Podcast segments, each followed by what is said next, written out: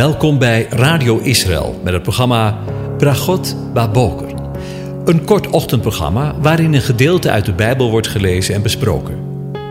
Met Bragot Baboker wensen onze luisteraars zegeningen in de ochtend. Presentator is Kees van de Vlist.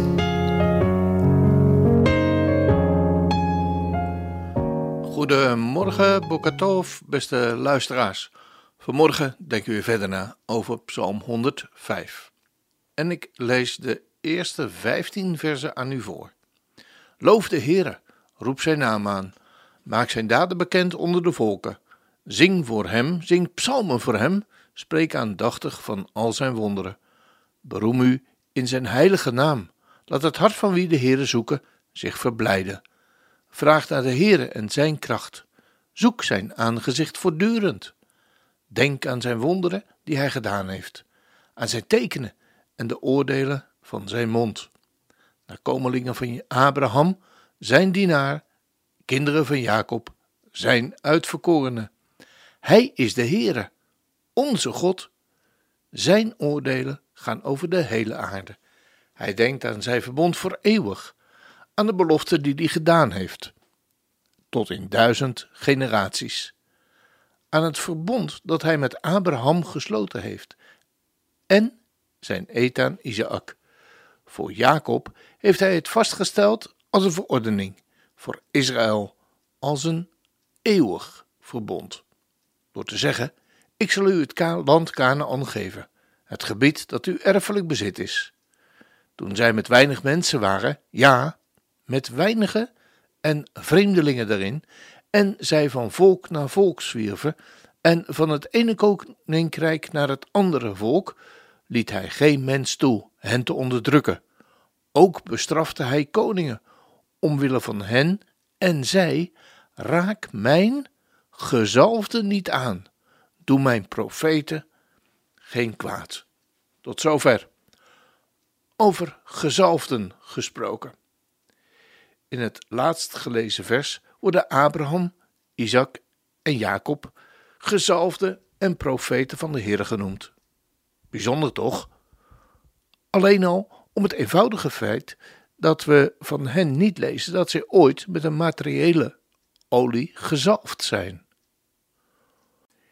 In het boek Richteren lezen we hoe God mannen, die hij had uitgekozen, stuurde om in een bepaalde periode dat is een van de kenmerken van gezalfden, bevrijders en heersers te zijn voor het volk van Israël.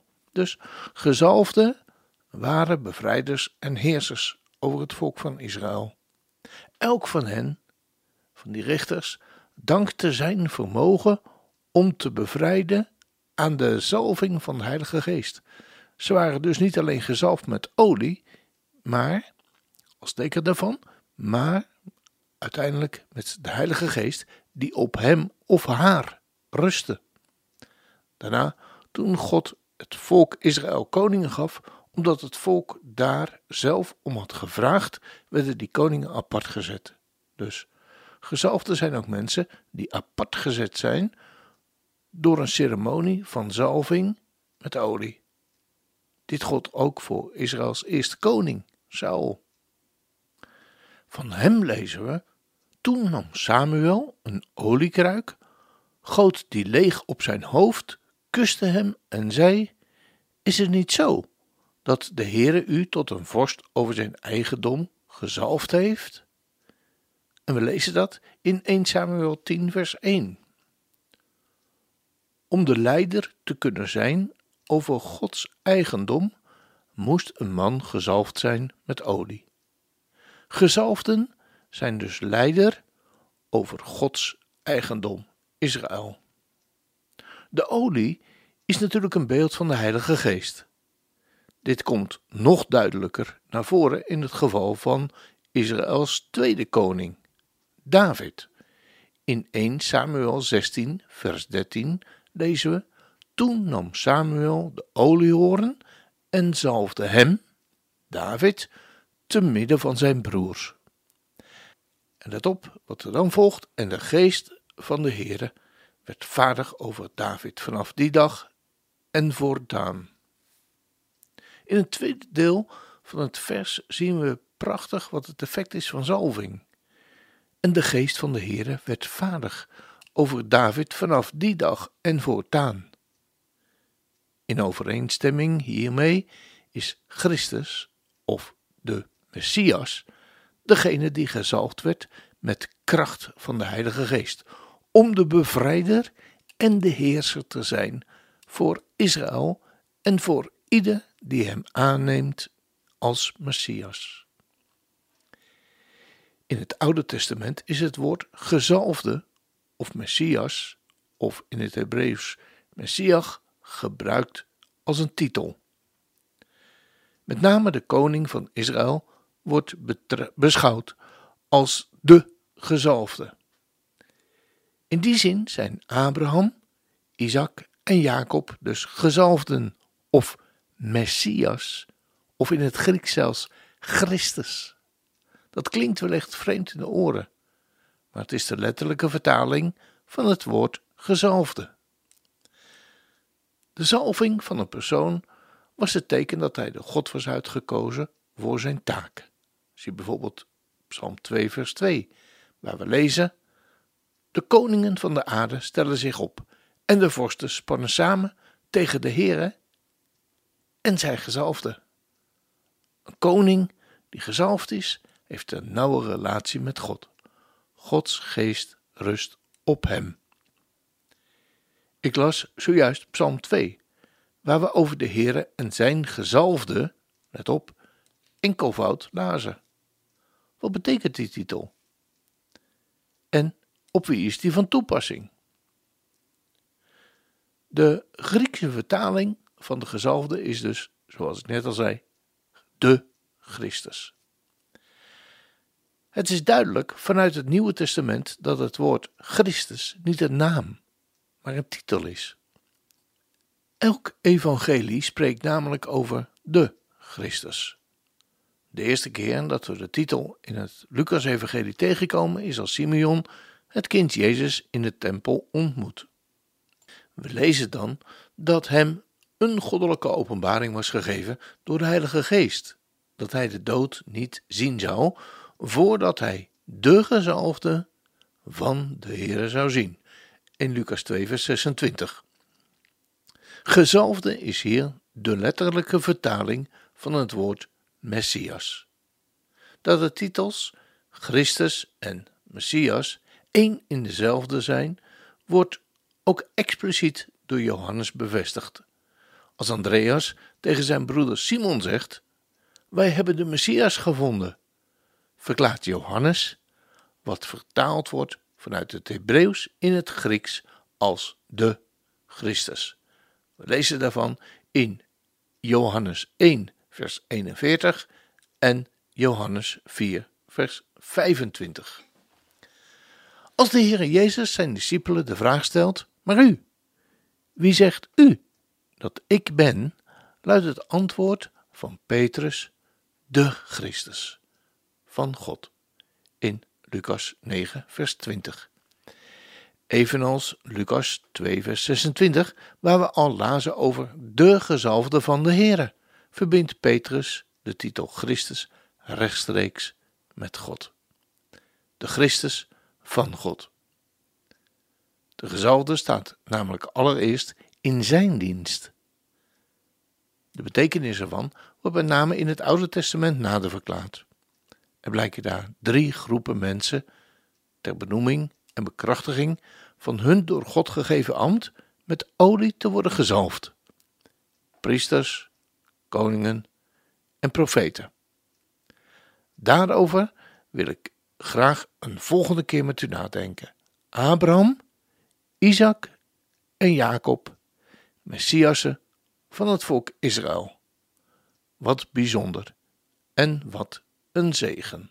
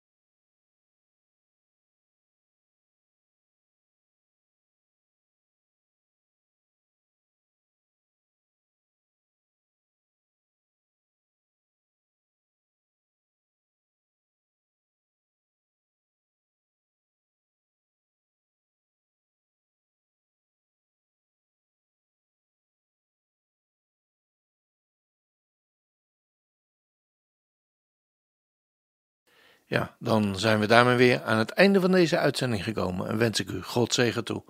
De Heer zegene en hij behoedt u. De Heer doet zijn aangezicht over u lichten en is u genadig.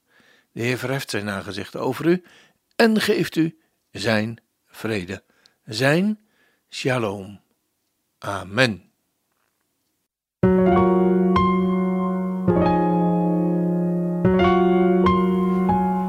U hebt geluisterd naar het programma Bragot Baboker. Een kort ochtendprogramma waarin een gedeelte uit de Bijbel wordt gelezen en besproken. Wilt u het programma nog eens naluisteren, dan kan dat. Ga naar radioisrael.nl en klik onder het kopje radio op Uitzending gemist.